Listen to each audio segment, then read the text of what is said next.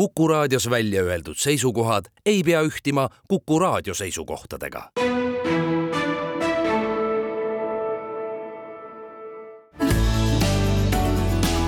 keskpäevatund. meie õpetaja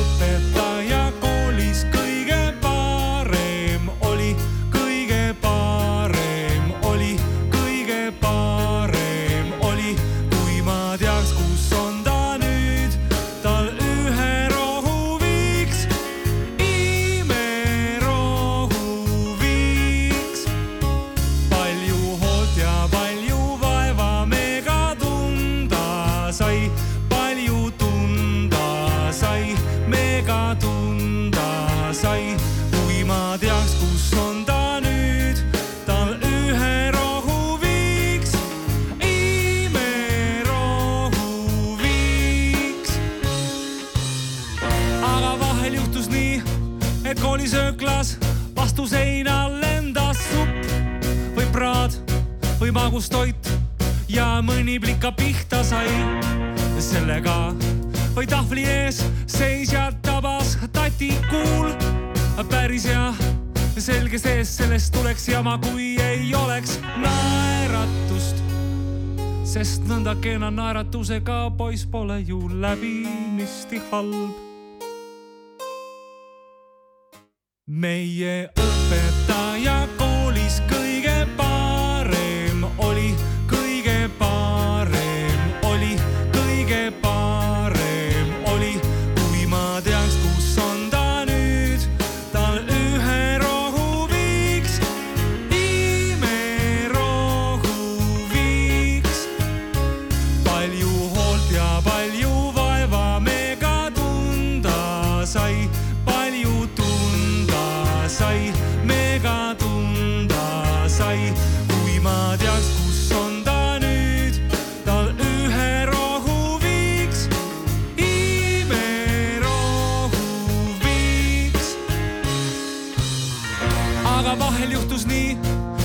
et klassiõhtul tantsimiseks ei kõlvanud rokk.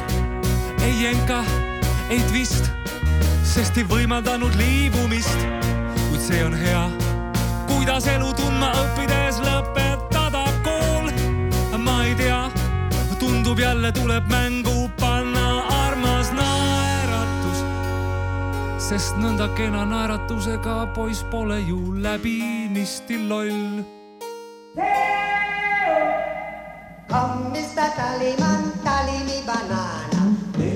uudiseid koduvabariigist. tere, siin Keskpäevatund ja Kuku raadio Tallinna stuudios Ignar Fjuk ja Ainar Ruussaar, aga Tartu stuudios hoopis seekord Priit Hõbemägi. loomulikult genialistid ja Ivar Põllu sobivad väga hästi Tartu vaibiga kokku ja nii ka seekord ja selle laulu õpetaja pühendab Keskpäevatund kõigile põhikooli matemaatika õpetajatele. Tänavu juhtus nimelt nii, et tänavusel põhikooli matemaatika lõpueksamil ei saanud ligi neljandik umbes neljateist tuhandest eksami tegijast koguda võimalikust punktide arvust pooltki, aga see tähendab kahjuks seda, et kokku põrus üle Eesti kolm tuhat kakssada viiskümmend neli õpilast. nüüd äh, pole vist vaja selgitada seda, et matemaatika on elus üks äh, väga oluline asi, ühel juhul sa ei saa hakkama oma laenude, liisingute ja kõiksuguste muude asjadega ja teisel juhul, ma ei tea, maksad rohkem või vähem, aga matemaatikaga on probleeme olnud juba mõnda aega. mina olen humanitaarina saanud läbi nii, et pärast kooli ei ole pidanud ninapidi matemaatikaga väga palju kokku saama, aga arhitektid, nagu näiteks Ignar Fjuk, ju põhiliselt matemaatika otsas elavadki. Noh, eks ta nii ole jah, mõnele meeldib matemaatika, mõned saavad hakkama ja mõned vaevu, mina muide kuulusin, Priit, ilmselt nagu sinagi, nende kooli, oma kooli ajal nende viimaste hulka, kes vaevalt sai hakkama, aga mu pinginaabrile õudselt meeldis matemaatika, tema tegi minu eest tunnikontrollid ära, nii et ma sain ikkagi neljade-viitega lõpetatud. No mina olen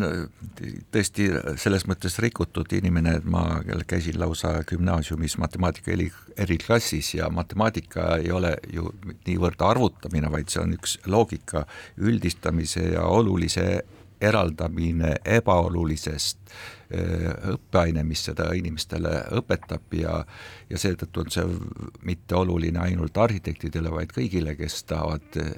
ilmas hästi elada. Aga selle matemaatika põhikooli eksami viletsat seisu pigem võiks noh, kirjeldada ühelt poolt, et ei ole piisavalt matemaatikaõpetajaid, aga ma arvan, et see on otsene järelm eh, koroona distantsõppele, sest see on küll üks aine, mida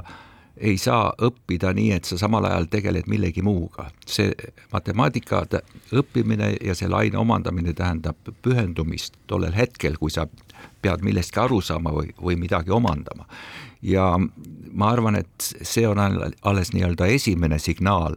Äh, kui nüüd üldistada, mida see distantstegevus ikkagi hakkab kaasa tooma. paar päeva tagasi oli Kukus väga huvitav ähm, kahevahel saates äh, Riigikohtu esimees, kes, kellelt küsiti mitu korda, et miks on nii vähe nii-öelda äh, Teamsi vahendusel kohtupidamisi ja, ja riigikohtu esimees püüdis küllalt ettevaatlikult seda seletada, et kohtus on väga palju subjektiivset ja silmavaatamist vajadust ja kohtunik seeläbi saab alles hinnata neid kõiki aluseid, mille alusel otsust langetada, et me ei tohiks liialt minna seda nii-öelda distantsi tegevuse usku, sotsiaalsus ja kokkupuude on sageli palju olulisem. mina vanema mehena olen ka sinuga nõus, et tegelikult see distantsõpe ilmselt pani paraja põntsu, aga mitte ainult Eesti koolidele, eks see distantsõpe oli ju enamustes riikides nii, aga, aga mind natuke ütleme, ärritab või teeb arusaamatuks see, kui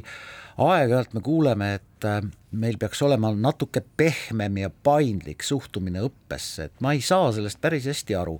õpistress ja koolirõõm ei ole omavahel otseselt seotud, mina arvan seda niimoodi, koolis käiaksegi õppimas ja, ja koolirõõm on selle koolis õppimise üks osa, on alati olnud ja, ja, ja õpitulemustes ei ole kunagi süüdi ainult üks pool ehk õpilane, hästi lihtne on öelda, et ah, sa ei ole ära õppinud või sa ei saa aru või sa oled loll, aga muidugi peab õpilane õppima, see ongi tema töö, aga ka kool peab õpetama ja õpetama nii, et see oleks innustav ja no need matemaatika põhikooli lõpueksami tänavused tulemused üldiselt näitavad siiski kahe viimase aastaga võrreldes seda, et asjad lähevad paremaks, aga koroonaeelsest tasemest, kus oli siis äh, punktisumma protsentides maksimaalsest punktisummast see keskmine, oli enne koroonat oli seitsekümmend kolm ja nüüd on kuuskümmend viis, ehk siis kaks, kaks tuhat kakskümmend üks oli viiskümmend viis koma üheksa, siis oli viiskümmend üheksa koma kuus ja ja nüüd on kuuskümmend viis koma üks, nüüd tegelikult läheb ülespoole, aga ma arvan, et kõik need lapsevanemad, kes ikkagi nägid seda, kuidas nende lapsed kaks aastat ekraanide ees vingerdasid, vahetasid seal taustapilte, rippusid nagu nahkhiired pea allapoole, sokutasid sinna mitmesuguseid meeme ja, ja animatsioone, no ühesõnaga tegid õpetajate elu kibedaks ja iseenda elu lõbusaks, siis äh, mingisugust tagajärg, mingi tagajärg sellel kindlasti on, et sellest sai omal ajal palju arutada, nüüd enam palju ei arutata, aga aga selle koroonaga ka laiemalt on nii, et äh, ega me päriselt ei tea, millised need, äh, need lõplikud tagajärjed on, et hiljuti sellel nädalal avaldati üks uurimus selle kohta, kuidas koroona on kuidagi äh, siis äh, koroonat põdenud inimestel on siis äh, teatud kohtades ajurakkudes toimunud mingisugused kokkukleepumised, mis ei lase informatsioonil seal kulgeda ja mis tekitavad sellist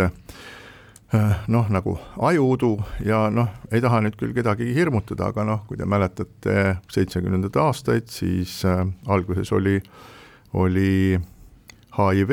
aga selle tulemus oli pärast AIDS, mis tänapäeval nüüd on õnneks äh, ravitav ja sellega koos saab elada. aga igal juhul võib olla sel-, ka selline oht, et et me tegelikult päriselt ei tea, et mida see koroonapandeemia meile üle maailma tõi, aga võib-olla jätame selle teema sinnapaika, loodame, et need puuduvad seitsekümmend, kaheksakümmend matemaatikaõpetajat, keda praegu on hädasti tarvis et need meie kõrgkoolid ikka tulevikus suudavad anda, praegu on umbes nii, et napilt kõik matemaatika üliõpilased juba töötavadki. Õpetajatena, oht on selles, et nad põlevad läbi, enne kui nad saavad päriselt tööle hakata, aga selle nädala üks oluline sündmus oli see, et sisuliselt siis Riigikogu lõpetas oma selle sessiooni, nüüd tuleb veel üheksateistkümnendal juunil tuleb äh, lisaistung ja selle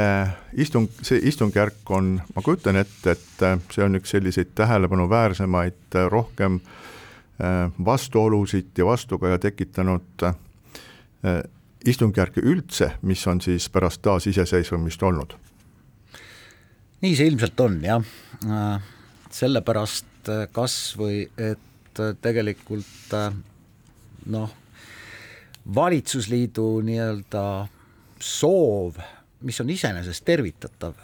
viia lõpuks riigieelarve tasakaalu, ei ole nüüd küll väga paljude valijate jaoks ilmselt väga mõistetav. ja seda näitavad ka seda näitavad ka mõneti reitingud äh,, tegelikult äh, mida see lõppev Riigikogu istungjärk äh, kõige rohkem esile tõi ja mida toovad esile ka äh, parlamenti või erakondade populaarsusuuringud, on see, et vastandumine toimib. EKRE ja Reformierakond on kõige populaarsemad parteid ja ma julgen arvata, et tänu sellele, et, et Nad on suutnud maailmapildi ajada mustaks ja valgeks, ükskõik kumb neist on valge, ükskõik kumb on must, aga vastandumine toimib. no mida nüüd selle kohta öelda, et just nagu käib sõda ja kaalul on just nagu ma ei tea kõik mis, aga kui nüüd proovida ennast nagu siduda mõne poliitikuga või riigikogulasega, siis ma võiks arvata, et nende nii-öelda arusaam, millist rolli peaks Riigikogu ja poliitika ühiskonna suhtes täitma või, või kujundama, siis neid see üldse ei koti. Nende asi ei ole seda, see, mis ühiskond nendest arvab. oled natuke karm, ma arvan. ma arvan, et, et selleks on olemas see võluv sõna mõõdikud, mida, mida me võiksime siis vastavalt sellele, kuidas olukord on ja kuidas see välja paistab, hinnata. no näiteks, kas mingisugust kaasamist on, mis on nii-öelda fundamentaalne alus igasugusele heale tavale, kuidas eh, õigusloome peaks toimuma. kaasamine on fiktiivne, näilik, ehk seda üldse ei ole samas, kas on toimunud mingisugune mõjuanalüüsid või üldse analüüsid, mida üks või teine otsus hakkab kaasa tooma, need täiesti puuduvad. kas on olemas poliitikutel, kes täna Toompeal on, mandaat nendeks tegevusteks, mida nad teevad? ei ole. nii et see tähendab ju üks-üheselt, et, et neid see, neid ei huvita kas ühiskond hindab või on kaasas nende tegevustega. poliitiku mandaat, Ignar Fjuk, on tema valimistulemus. aga olgem natuke täpsemad, me võime juriidiliselt väga kindlalt teatud seisukohti kaitsta ja õigustada, aga valimistsükkel on väga pikk, selle raames esitab poliitiline jõud oma vaated, mida ta nelja aasta jooksul kavatseb teha, mis on need põhipunktid, mida ta teeb ja see väga palju sellest, mida nüüd täna püütakse kiires korras läbi viia, seda ju valimistel ei olnud. ja see ei ole muidugi esimest korda, kui ilma mandaadita midagi tehakse, ka eelmise valitsuse ajal toimunud need perehüvitiste eh, väga järsk tõus teatud segmendile peredest, ka selle jaoks polnud mandaati, ka see oli toona Isamaa surve, kes tuli Kaja Kallase valitsusse nii-öelda eh, väljapressijana või seades fakti ette, et kui te sellega nõus ei ole, siis me lähme tagasi, teeme selle Keskiga ja EKRE-ga uuesti valitsus. nii et selles suhtes on poliitika kujunenud omamoodi ettevõtluseks ja nii nagu poliitikad, poliitikud ei arva midagi, kas ettevõtle, ettevõtjate organisatsiooni arvamust maksumuudatuste suhtes kuulata või mitte, nii neid ei, nad ei hooli ka millestki muust. ma olen võib-olla liiga reljeefne ja võib-olla liiga ka nii-öelda otseütleja selles, aga nii ma seda pilti näen. no mina esitaksin selle kohale veel ühe sellise kõrgema küsimuse, küsimus kõlab niimoodi, et kellel on üldse tänases Eesti Vabariigis võimalus mõjutada seda, mida valitsus teeb, et tegelikult me peaksime ju rääkima sellest, et Riigikogu mõjutamisest, aga Riigikogu on muutunud kummitempliks, me näeme seda, et kui sul on kuuskümmend häält, siis sa rullid üle absoluutselt ükskõik millest ja tegelikult sa ei pea isegi kuulama ära vastuväited, sellepärast sa seod oma eelnõud usaldushääletusega ja see masin töötab täiesti tõrgeteta. nüüd, nüüd mis tähendab seda, et Riigikogu antud juhul jääb lihtsalt kõrvale ja need inimesed, kellel on siis põhiseaduse järgi südametunnistuse vabadus, on selle südametunnistuse vabaduse andnud siis oma, oma erakonna keskkontori kappi ära, Reformi omad on Reformi omade kapis ja Eesti kahesaja ja sotsi omad on vastavalt siis mõlema partei kontori kapis, kapp on lukus, võti on erakonna esimehe käes. Ja kõik ja mingisugust südametunnistuse järgi hääletamist, nagu siis põhiseaduse loojad endale ette kujutasid, tegelikult ei ole, valitseb julm Äh, ja, ja ka karm selline erakondlik distsipliin nii et Riigikoguga pole üldse, pole mõtet tegeleda komisjonides äh, asjade selgitamise ja, ja kas või lobi tegemisega, pole mõtet rääkida üksikute saadikutega, sellepärast nende hääl kuhugi ei jõua. ja see näitab seda, et me oleme vahetanud siis nagu seadusandliku võimu, olemegi vahetanud siis täidesaatva võimu vastu, et me oleme siis äh, saanud endale valitsuse, mis tuli võimule nii, et ta ei rääkinud sõnagi sellest, mida ta kavatseb äh, päriselt tegema hakata, see valitsus on haaranud enda kätte täieliku võimu, no mis haaranud, see, see võim ongi tema käes, käes, sellepärast et nende käes on nii suur, suur enamus ja nad teevad sisuliselt kõike seda, mida nad tahavad, hoolimata sellest, mida siis ühiskond selle kõige kohta arvab. ja nüüd tulen jälle selle küsimuse juurde tagasi, et kellel on võimalus mõjutada siis valitsust, kes kes äh, lükkab äh, läbi Riigikogu selliseid seadusi, nagu meeldivad valitsusele ja mis ei ole üldse läbi arutatud äh, Riigikogus, millele pole tehtud mõjuanalüüse ja nii edasi ja nii edasi, et ajakirjandus, seda valitsus ei kuula, see ajakirjanduste, hirm ajakirjanduse vastu on ammu kadunud. kas majutusasutuste lobi, samuti mitte, kas pangad saavad löögile pangad saavad ka oma laksu kätte. ja kui me läheme mööda seda redelit edasi, siis me näeme, et ei rektorid, ei suurettevõtjad, ei väikeettevõtjad, kellegi sõna üldse ei kosta sinna, sinna taevastesse kõrgustesse Stenbocki majja. ja ainukene, ainukene vektor, mis viib valitsuseni ja mis suudab mõjutada, mis seal toimub Need on suhtekorraldajad, need on kõrgtaseme suhtekorraldajad, kes on pikka aega olnud poliitikas, kes liiguvad ustest sisse-välja, kes on võtnud enda kätte nüüd siis ühiskonna selliste äh, noh, võib ka öelda, et mingisuguste institutsionaalsete üksuste vahendamise sellele paarikümne inimesele, selle väiksele grupile ja nad suudavad ka reaalselt mingisuguseid tulemusi tekitada. Ja minu meelest see on nagu Eesti Vabariigi arengu ja, ja praeguse seisukorra ja koha seisukorrast on see, see on väga kurb ja väga halb, et meil on, meil on valitsus, kes valitseb nii, nagu ise tahab, hoolimata Riigikogust ja, või Riigikogu opositsioonist ja meil on üks väike rühm vahendajaid, kes siis ühiskonna selliseid äh, soove, muresid, hädaldamist vahendab nendele, aga ülejäänud ühiskond, ah tühja, las nad karjuvad, teevad, õiendavad midagi, vahet pole, me, rong läheb edasi. no jaa, Priit, aga ega sa ma ei saanudki sun, sinust päris hästi aru, et ega see ma võin uuesti tänane, selgitada kõike seda. see ei ole tänane päev. kümme aastat tagasi ja kakskümmend aastat tagasi olid ka suhtekorraldajad ja äh, erinevad huvigrupid, kes lakkamatult mõjutasid erakondi, see ei ole ainult Eestis nii,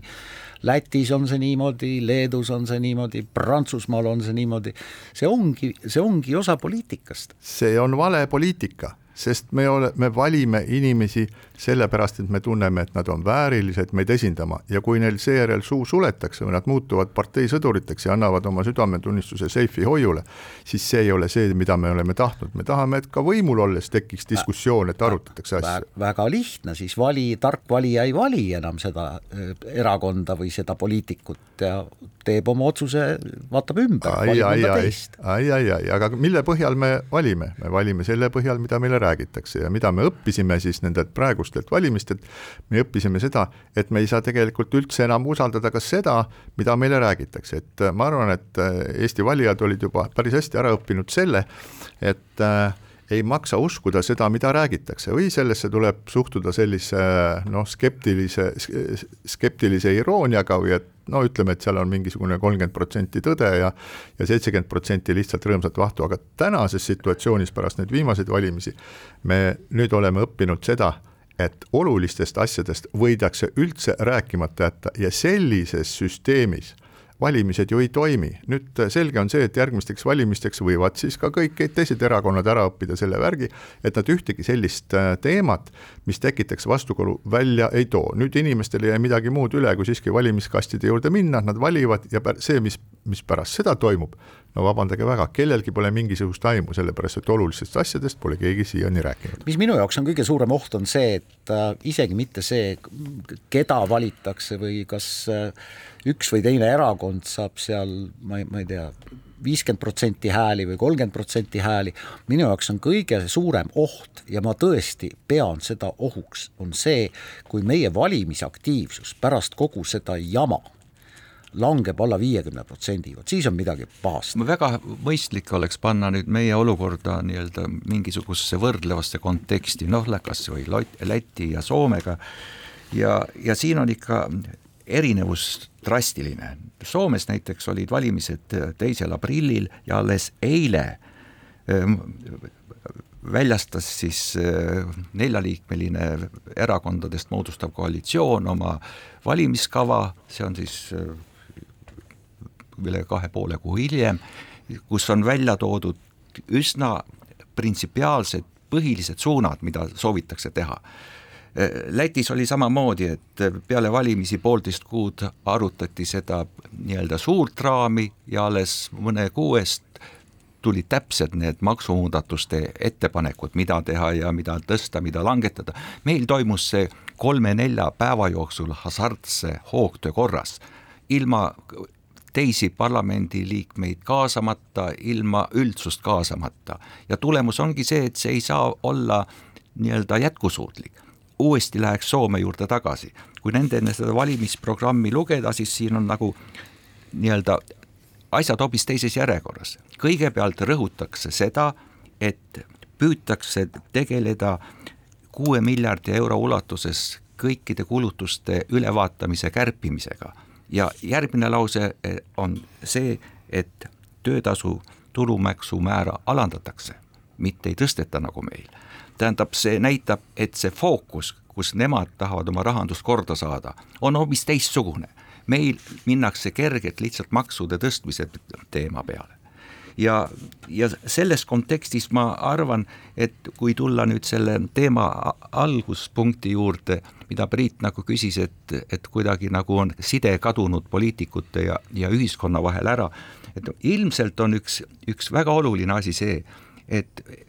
Riigikogu valimiste võitjad erakonnad on maksumaksja rahaga nagu üle kullatud ja nad saavadki sõnastada oma nelja aasta tegevuskava järgmiselt. esimesel aastal me teeme ükskõik mida, meid ei koti, mida valija arvab sellest, sest hiljem see unustatakse ja valimistel see raha räägib, sellega nad saavad uuesti omale need parlamendikohad ja, ja neid tõesti ei huvita, mis ühiskond arvab, sest nad on kinni makstud, ette kinni makstud no siin on muidugi see, mida sa, Ignar, räägid, on kõik õige, aga siin on muidugi, peame üksteisele silma vaatama, meie teha on see, et seda lakkamatult meelde tuletada ja sellest rääkida noh, mina olen siin Kuku raadios seda vist seitseteist aastat järjest juba teinud, aga ma ei saa öelda, et jubedalt on olnud tulemus sellel, aga siinkohal väike paus. keskpäevatund. tõepoolest, Keskpäevatund jätkab, Tallinna stuudios Ignar Fjuk ja Ainar Ruussaar ja Tartu stuudios Priit Hõbemägi. räägime nüüd meie poliitmaailma uustulnukast Eesti kahesajast, kellega olid seotud tohutud ootused, kui keegi mäletab veel sellist moodustist nagu Vabaerakond, mis pidi tooma siis täiesti uutmoodi poliitilise kultuuri, kus kõike arutatakse läbi teineteisega, kus ühtegi otsust ei tehta kiirustades, siis ja siis täna me enam neid ei leia mitte kusagilt, võib-olla midagi läks seal siis kogu selles kontseptsioonis valesti, aga see ei pruugi ju juhtuda kõigi uustulnukatega niimoodi ja selge see, et üks asi, mida me ju pidevalt tahame või, või taga, taga nutame, on see, et noh, poliitikasse tuleksid uued näod, tuleksid värsked jõud, et poliitika muutuks. nüüd Eesti kakssada, kes on siis värskem juurdetulija, on teinud oma reitingutes äh, läbi sellise tõelise Ameerika mägede kaare, nad on tõusnud kõrgustesse, jõudnud valitsusse, nende loosung valimistel oli teatavasti, et meiega, umbes niimoodi, et meiega on võimalik, mida siis paljud äh, omakorda dešifreerisid lahti nii, et äh, see on teade Reformierakonnale, et kui võtad Eesti kahesaja kampa, et siis saad teha kõike, mida ise tahad. Ja paistab, et see, see oli ka õige dešifreering, aga tänaseks on siis pärast vahepealset lendu Eesti kakssada vajunud erakondade reitingutabelis viimasele kohale, samal ajal kui Reformierakond ja EKRE on ennast positsioneerinud seal esimestena, nii et see uus jõud Eesti kakssada, kellel oli märtsi, mart-, märtsi lõpus, kelle reiting oli sisuliselt võrdne siis EKRE-ga, on nüüd kukkunud neist allapoole umbes viisteist protsenti selles tabelis, mis on, ütleme omavahel öeldes ikka täiesti masendav langus. Nojah, vaata Priit, ega tegelikult ei ole siin maailmas mitte midagi uut ja mulle millegipärast meenus tuleviku Eesti erakond, kes tegi ka tohutu hüppe ja siis kadus poliitiliselt pildilt. Nad olid ka parlamendierakond, meenutan. ehk siis ähm, vaatasin enne saadet veel kord üle eh, Eesti kahesaja koduleheküljelt, mida nad siis lubavad. Äh, mina ei saa aru päris hästi, mida õigupoolest tähendab tulevikku suunatud progress, Ignar kindlasti oskab seda lahti seletada, mina ei saa päris hästi aru, kui palju on nüüd selle mõne kuu jooksul, mil Eesti kakssada on valitsuskoalitsiooni liige, vähenenud bürokraatia? Mina ei saa ka päris hästi aru sellest, et kuidas me enam ei ela teiste põlvkondade arvelt. Ja ma võiksin siin noh, rääkida veel kaks tundi nendest lubadustest, millest ma päris hästi aru ei saa, aga see ei puuduta, olgem ausad, ainult Eesti kahtesadat, selliseid noh, üldsõnalisi lubadusi võib leida kõigi erakondade programmidest. Teie poolt sissejuhatavas nagu hoiakus võis välja lugeda ka seda, et et pole välistatud, et Eesti kahtesadat ootab seesama Äh, tulevik, mis kunagi äh, sai saatust või millega lõpetas Tuleviku Eesti Erakond. mina või... ei öelnud seda, Ignar no,. aga ma sain sellest nii aru ja ma jagan seda kahtlust või muret, nii nagu ka Roheliste või ka Vabaerakonna suhtes. Vabaerakond kaotas lihtsalt fookuse või ta muutus ühe e, idee või ühe või õigemini kahe teema erakonnaks, ühelt poolt oli neil see südame peale tšetšeenide sõda, nii et iga teine avaldus, mis erakond tegi, puudutas tšetšeenidega seonduvat ja teine oli siis see otse otsedemokraatia, mis moodustab, ütleme, üldisest Riigikogu ja seadusloome paketist võib-olla null koma null null null null üks protsenti ja kõik muu jäi nii-öelda tagaplaanile. ja Rohelised jälle lõpetas nende erakonna sees olevad tülid, mäletate, ta oli ju ka parlamendierakond. Eesti kahesajas praegu need tülid näitavad seda, et juhtimist ei viia läbi kvaliteetselt. on ju selge, et inimesed, kes tulevad poliitikasse, on üle keskmise ambitsioonikad. Nad ei ole lihtsalt nii-öelda reainimesed, ma ei mõtle siin midagi halvasti, keda võiks lihtsalt paika panna, neil on oma mingisugused äh, ideed, kuidas ennast tutvustada, kuidas erakonda tutvustada, kuidas see kõik peaks toimuma, milline on koostöö erakonnasiseselt, kuidas teiste erakondadega. Ja kui siin ei toimu sellist kollektiivset arutelu ja juhtide poolt kollektiivse vastutuse ja suuna näitamist, siis tulemuseks ongi see, et me hakkame seda kõike ajalehest lugema ja sisetülide kätte lihtsalt see erakond võib lämbuda samas on jälle muidugi see, mida sa, Ainar, ütlesid, et see nii-öelda tühjadest sõnadest tulvil programmid ja, ja kavad, mida siis justkui eksponeeritakse või esitletakse kui erakonna sellist suurt eesmärki, et miks erakond üldse on, on enamus juhtudel ikka täiesti lahus sellest, mida erakond ise teeb. no täna, kas me siis kujutame ette, et Reformierakond, mis on olnud ja ennast pidanud alati vabakodaniku ja ettevõtlust toetavaks erakonnaks, viib läbi praeguseid reforme või eelmises valitsuses viis läbi täiesti vastandlikke reforme. nii et äh, selles suhtes ma olen ka väga murelik Eesti kahesaja suhtes ja ma äh, jah, nii, nii see on. mina üldse ei ole murelik selles mõttes, et mina proovin näha midagi positiivset ja see on nüüd Eesti kahesaja võimalus kuidagi selles samas valitsusliidus näidata või tõestada, eh, läbi suruda mingisugused ideed, mis ei ole ainult sellised eh, tulevikku suunatud progress, eh, vähenev bürokraatia ja nii edasi, vaid mis oleks selgelt mõõdetavad, selgelt arusaadavad ja mille kohta me siinsamas stuudios võiksime näiteks aasta hiljem öelda, jah, läks nii, nagu läks või läks hästi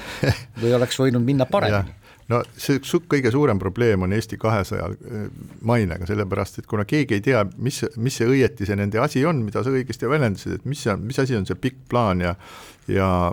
mismoodi tulevikku suunatud progress. no just nimelt, et mis asi see on ja kuhu see progress siis suunatud saab olla, et minevikku ju mitte igal juhul.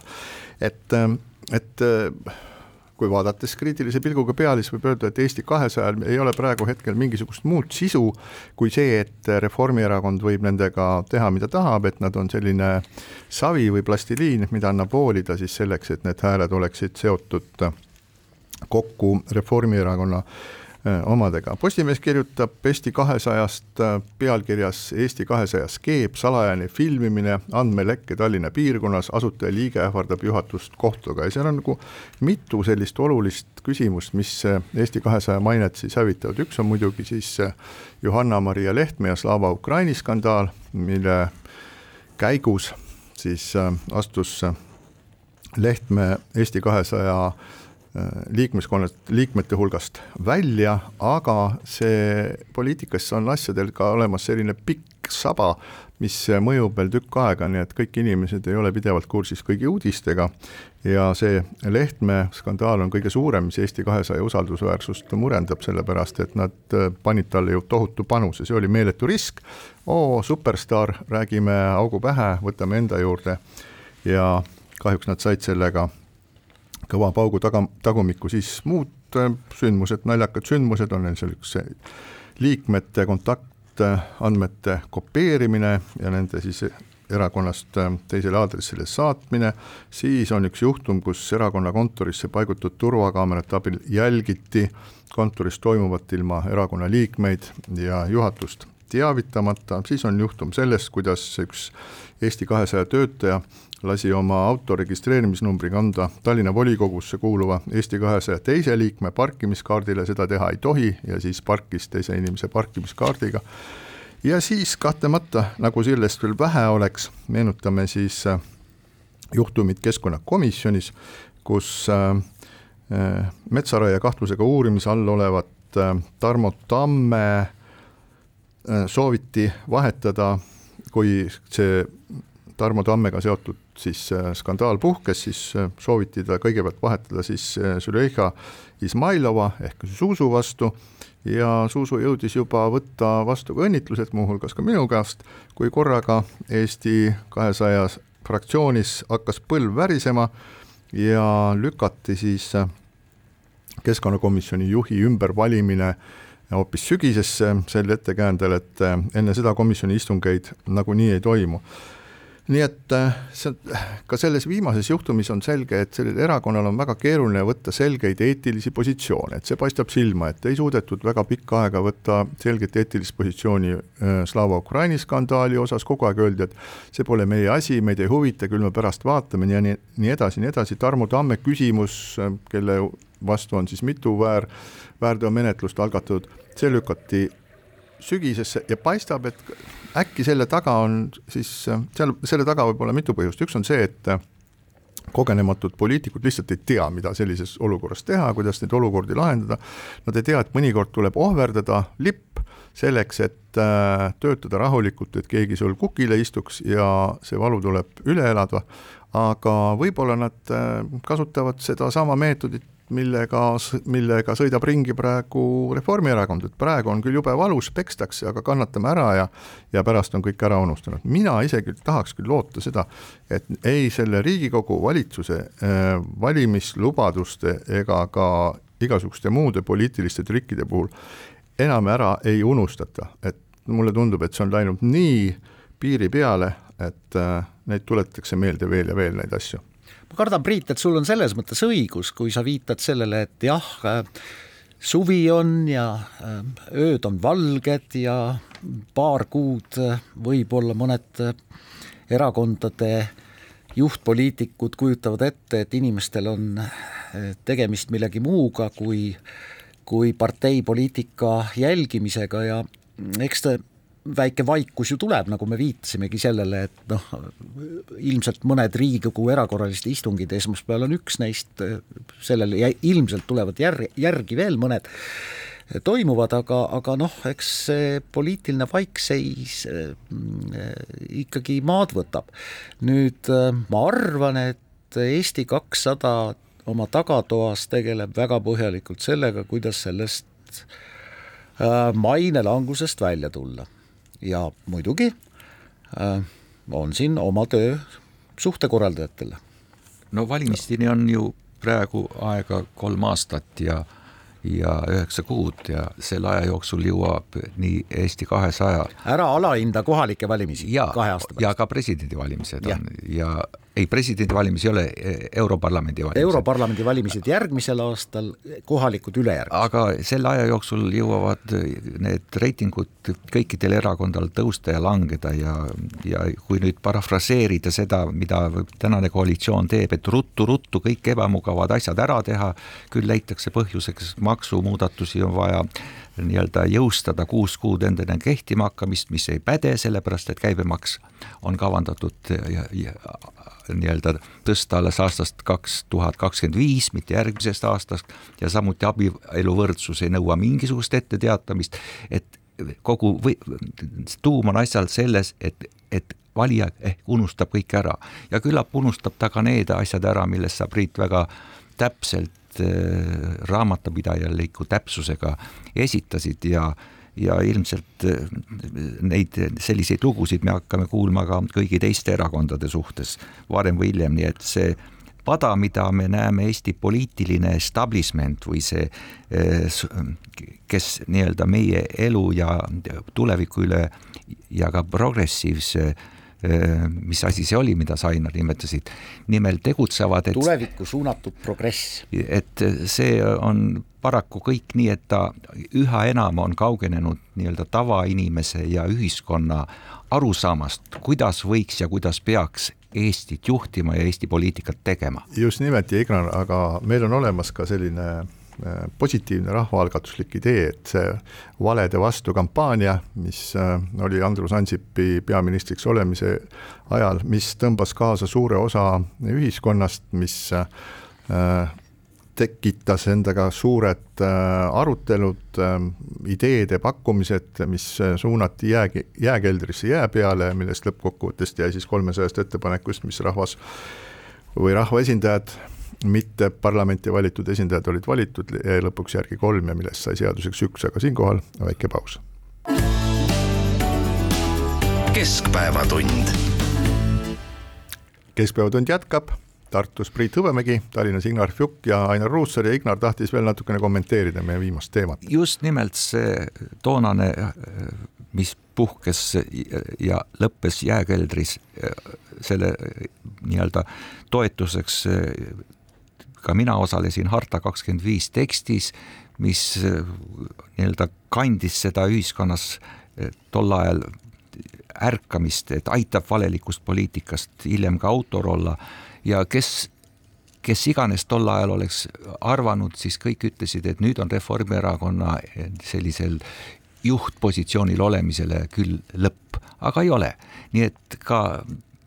nüüd selles Eesti kahesaja vaatuses võiks öelda, et viimane vaatus on algamata ja kas seda üldse algabki. et nende päralt on kõik õiged otsused, et seda olukorda oluliselt muuta, aga kas nad seda teevad, see on jälle teine asi. no aastate jooksul ja aastakümnete jooksul on ennustatud ka Keskerakonna lõppu, no ei ole ei ole kuhugi see lõppenud ja Keskerakonna reiting hakkab vaikselt tõusma no ma jah, elan kaasa teie optimismile, aga räägime natukene sellest, et kaks äh, politsei- ja Piirivalveameti logistikud said siis tunda, kuidas on Petseri arestimajas ööbida, nii nagu tavaline Petseri pätt võetakse kinni, pannakse plate peale, nii sattusid sinna ka kaks PPA logistikut, kes nüüd nende andmete põhjal, mis ajakirjandus on avaldanud, keerasid oma ATV-ga kuskil metsa vahel hoopis mitte Eesti poole, vaid siis hoopis Venemaa poole mingisugusele metsateele. Ja seal mõne aja pärast, kui nad olid seal natuke, jõudnud natuke paar minutit olla, saabus sinna ka Vene patrull ja nad viisakalt, nii nagu on räägitud, paluti siis teisele poolele, viidi kordonisse, kuulati üle ja öö veetsid nad seal ja siis said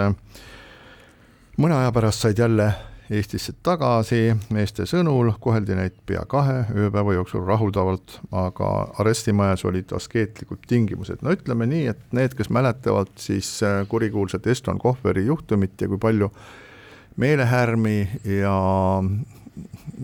selliseid süngeid tundeid see kõik äh, tekitas, siis äh, kindlasti hingavad kergendatult, et väike noh, ütleme juhuslik eksimus, mis toimus, on õnnelikult lõppenud, aga see teine küsimus on muidugi see, et kõik ju mäletavad väga hästi kahe tuhande viieteistkümnendat aastat ja sedasama Eston Kohveri sündmust, pärast mida poliitikud lubasid tuulekiirul kõik üles ehitada, kogu piiri, et mingisugust jama enam ei oleks. Ja kus me siis nüüd oleme, noh, oleme, oleme nüüd nii kaugel, et kolmandik piirist on juba valmis ehitatud. Ja ma ei tea, kas Eestis ongi nii, et selleks, et mingi asi tehtud saaks, selleks peab juhtuma mingisugune ilge jama ja pärast seda tehakse kolmandik lubatust ära nojah, see on tõsine probleem, et piir ei ole välja ehitatud, aga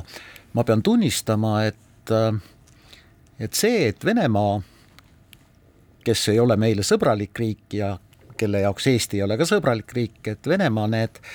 üle piiri ATV-ga eksinud inimesed või mehed kahe päeva jooksul tagasi andis, see oli minu jaoks isegi üllatav. ja ma pean